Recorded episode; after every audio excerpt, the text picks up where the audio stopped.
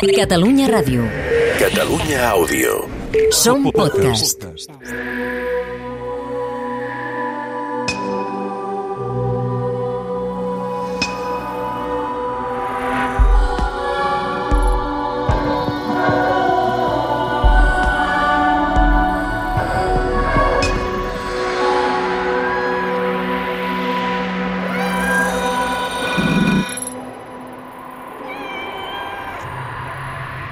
I vam posar tots aquells ingredients a l'olla grossa i vam dir unes paraules que ara no vull repetir.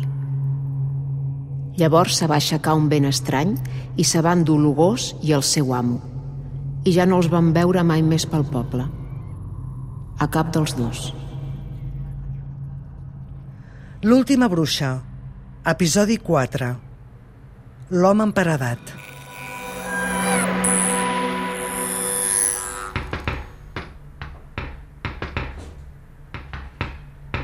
Des d'aquella nit que no el sentia, el veí. Potser fa obres a casa. Si tu ho dius. Te'n recordes? L'obsessió que em va agafar aquella nit amb la respiració. Sí que ho recordo, sí. Semblava talment que hagués entrat algú al meu dormitori i respirés al costat de la meva orella. Barcelona, segle XXI. Sí, ho sé, a vegades sóc excessiu. I faig una muntanya d'un gra de sorra, però jo què sé. Tu també vas tenir por. Vas fugir a amagar-te sota el sofà i no vas deixar de miular tota la nit. Perquè jo sé coses que tu no saps. I a més a més, Aquests cops ja els he sentit abans. Són tan regulars que són estranys, no sé com explicar-ho. Perquè si tires una paret a terra és una altra cosa, un altre tipus de cops. Si claves un clau també. Però aquests cops són tan regulars que tenen un ritme que se't fica dins del cap i no te'l pots treure.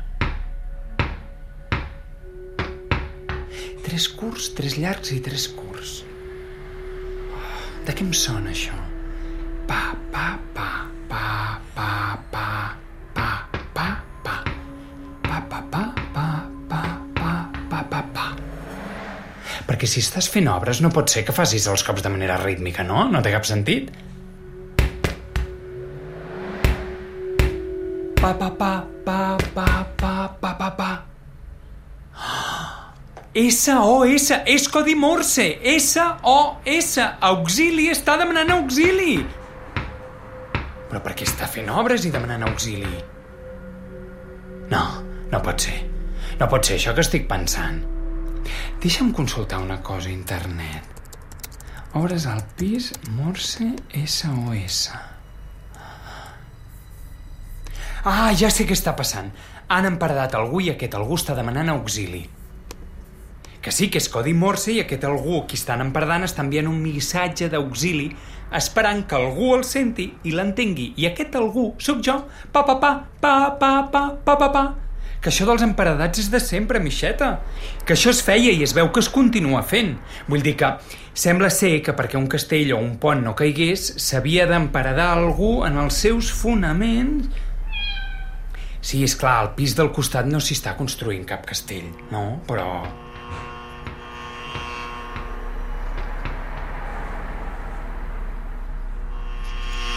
De planta quadrada, està flanquejat per quatre torres cantoneres, cadascuna amb el seu nom. La torre del purgador, la torre dels vents, la torre de les dones i la torre de les armes. Al vell mig, una cinquena torre, la torre de l'homenatge. L'edifici està envoltat d'un gran fossat i s'hi accedeix per l'anomenat Portal dels Tres Reis. El castell compta amb tantes finestres com dies té l'any, 365. Aquestes finestres, amb reixes daurades i blaves, són les de les habitacions dels senyors, però encara n'hi ha moltes més de finestres, que són de les habitacions del servei. Aquí, en aquest castell, un dia s'hi allotjaran prínceps i reis. Arbeca, segle XVI. Abans no arribi la balena que m'alliberarà, mentre sóc una dona roca, el meu cap intenta recordar tots els pobles i ciutats pels quals he passat durant la meva fugida. Fa tants anys tants segles que fujo. La rigidesa, la immobilitat de la meva condició de dona roca em porten records llunyans. Soc cuinera al castell d'Arbeca, un imponent castell que... Perdó, el duc vol que li diguem Palau. Un imponent palau que pertany a la nissaga dels Cardona. El duc, un cop acabada la construcció del palau, no se'n sabia venir. Recorria tot sol les cambres, les cavallerisses, el molí, l'església, el pont llevadís, el pati de tornejos. No podia estar més orgullós del seu palau. Ho estava tant que... Jo ho vaig sentir. Jo vaig sentir com allà, a l'entrada del darrere de la cuina, el duc parlava amb un home encaputxat que no vaig poder reconèixer. Jo estava escorxant un conill i el duc li va dir a l'encaputxat «Talleu-li les mans. No vull... No puc permetre que cap altre senyor pugui tenir un palau semblant al meu. Talleu-li les mans al mestre d'obres». L'endemà, jo tallava ceba quan l'encaputxat va portar un missatge del mestre d'obres pel duc. M'heu tallat les mans, però mentre tingui ulls per poder veure com treballen els meus homes, seré capaç de construir un palau encara més sumptuós que aquest. El duc respongué que li treguin els ulls. I vaig plorar. L'endemà, jo estava netejant unes galtes de porc per fer rostides quan l'encaputxat tornà amb un nou missatge del mestre d'obres. M'heu tallat les mans i m'heu buidat els ulls, però mentre tingui llengua per donar ordres als meus homes, seré capaç de construir un palau molt més bonic que aquest. El duc cridà amb ràbia, talleu-li la llengua! I quan l'encaputxat ja era fora, el feu tornar a entrar i li digué, talleu-li la llengua i emparadeu-lo! L'endemà, no, ni l'endemà ni l'altre. Mai més vam sentir a parlar del mestre d'obres. I ningú no va gosar preguntar per ell.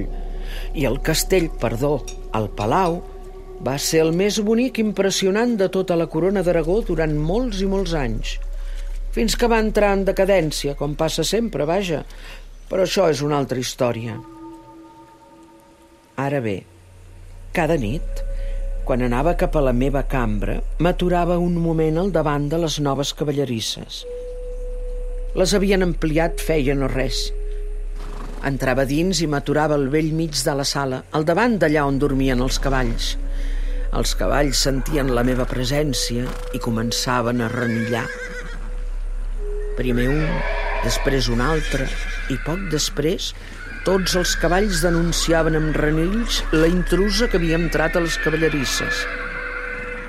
Quan els cavalls es calmaven, aconseguia sentir uns cops a la pedra. Això passava cada dia. Jo pensava en el mestre d'obres, sense ulls, sense llengua, sense mans, com s'ho fa per picar. Ho fa amb els peus no aconseguia situar d'on sortien aquells cops i sempre, al final, apareixia algú que em preguntava què hi feia allà a les cavallerisses. Una cuinera no hi té res a fer aquí. I em feia fora. Però hi vaig anar cada nit abans d'anar a dormir. I cada nit vaig sentir els cops, però no vaig poder descobrir d'on venien. I si ho hagués descobert, què? Què hagués pogut fer?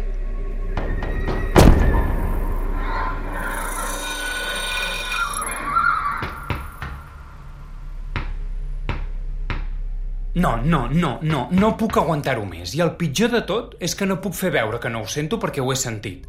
No puc fer veure que no he pensat que podia ser Codi Morse perquè ho he pensat. O sigui que quan la policia trobi l'emparedat o l'emparedada i investigui, m'investigaran a mi perquè estem paret per paret i em preguntaran si no havia sentit res estrany i jo, jo no podré dir que no vaig sentir res estrany perquè sí que ho he sentit i sí que he pensat que és estrany i em preguntaran què sap del seu veí jo no podré dir res Només que una nit el vaig sentir respirar a la meva habitació i em respirava aquí, a l'orella. I per què no li va dir res? Perquè no va avisar la policia. Si va entrar a casa seva, és violació de domicili. Ho podria haver denunciat. Jo... Eh, què vol que li digui? No se'm va acudir que podia denunciar que m'havien respirat a l'orella. Però, però, però, però què estic dient? Ai, jo què sé? No tinc salvació. La culpa se'm menjarà. Jo seré aquell que va sentir com un home emparedat demanava ajuda i va ser incapaç d'ajudar-lo. I si li pregunto si està bé? Utilitzant el codi Morse. Si ell o ella o algú utilitza Morse, per què no puc utilitzar-ho jo també per preguntar? I què li preguntaràs? I què li pregunto? Si està bé? No, és clar que no està bé. Si estigués bé no estaria fent pa pa pa pa pa pa pa pa pa. Ai, Misha, mires amb aquests ulls tan intel·ligents i jo penso que m'encantaria que poguessis parlar i m'expliquessis què penses. Penses que sóc un fric, oi? Un tio estranyot. Espera, espera, espera! Ara ha canviat! El missatge ha canviat! I què diu ara? He de buscar l'alfabet morse, a veure. Quatre cops ràpids, tres de lents, ràpid, lent, ràpid, ràpid, ràpid, lent... Que no se m'oblidi, quatre cops ràpids, tres de lents, ràpid, lent, ràpid, ràpid, ràpid, lent... No, no, no, no, no, no, per favor, no defalleixis. Ara, si m'estàs enviant un missatge, el desxifraré. El desxifraré i t'ajudaré, t'ho prometo. Resisteix, si us plau, buscaré ajuda. No, no, no, no, no, no. I ara què? I ara què?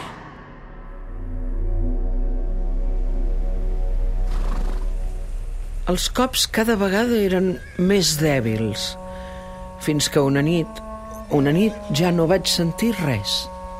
Silenci. Vaig entrar a la cavallerissa, vaig situar-me, com sempre, al centre i ni tan sols els cavalls van renillar. Silenci. Cap d'ells va protestar perquè jo fos allà. I jo escoltava. No res. Silenci. Si piques avui, potser si piques avui, descobriré d'on ve el so i potser, potser et podré ajudar. Potser... I m'imaginava el mestre d'obres sense mans, sense ulls, sense llengua, darrere una paret. Si piques avui, potser... No, ningú no va picar. Si era el mestre d'obres qui donava aquells cops, ja era mort o ja no tenia forces. I me'n vaig anar a dormir. Jo l'he sentit. Jo l'he sentit i no he fet res, Misha. Se'm menjarà la culpa. Li agrada jugar. Jugar amb nosaltres. És el que fa, divertir-se, mentre espera que arribi ella.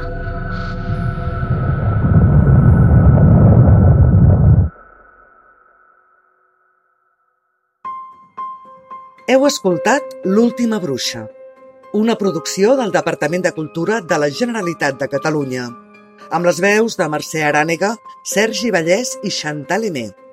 Guions d'Anna Maria Ricard Codina. Direcció de Sergi Vallès i Anna Maria Ricard Codina. Disseny sonor i música original de Rafael Plana. Postproducció sonora de Rafael Plana i Adrià Martínez Casorla. Fotografia de Pep Salvat. Grafisme de Lídia Sardà. Una proposta de Cabuts amb la col·laboració d'ICAT, l'emissora cultural de Catalunya Ràdio. Catalunya Ràdio. Catalunya Àudio. Som podcast. podcast.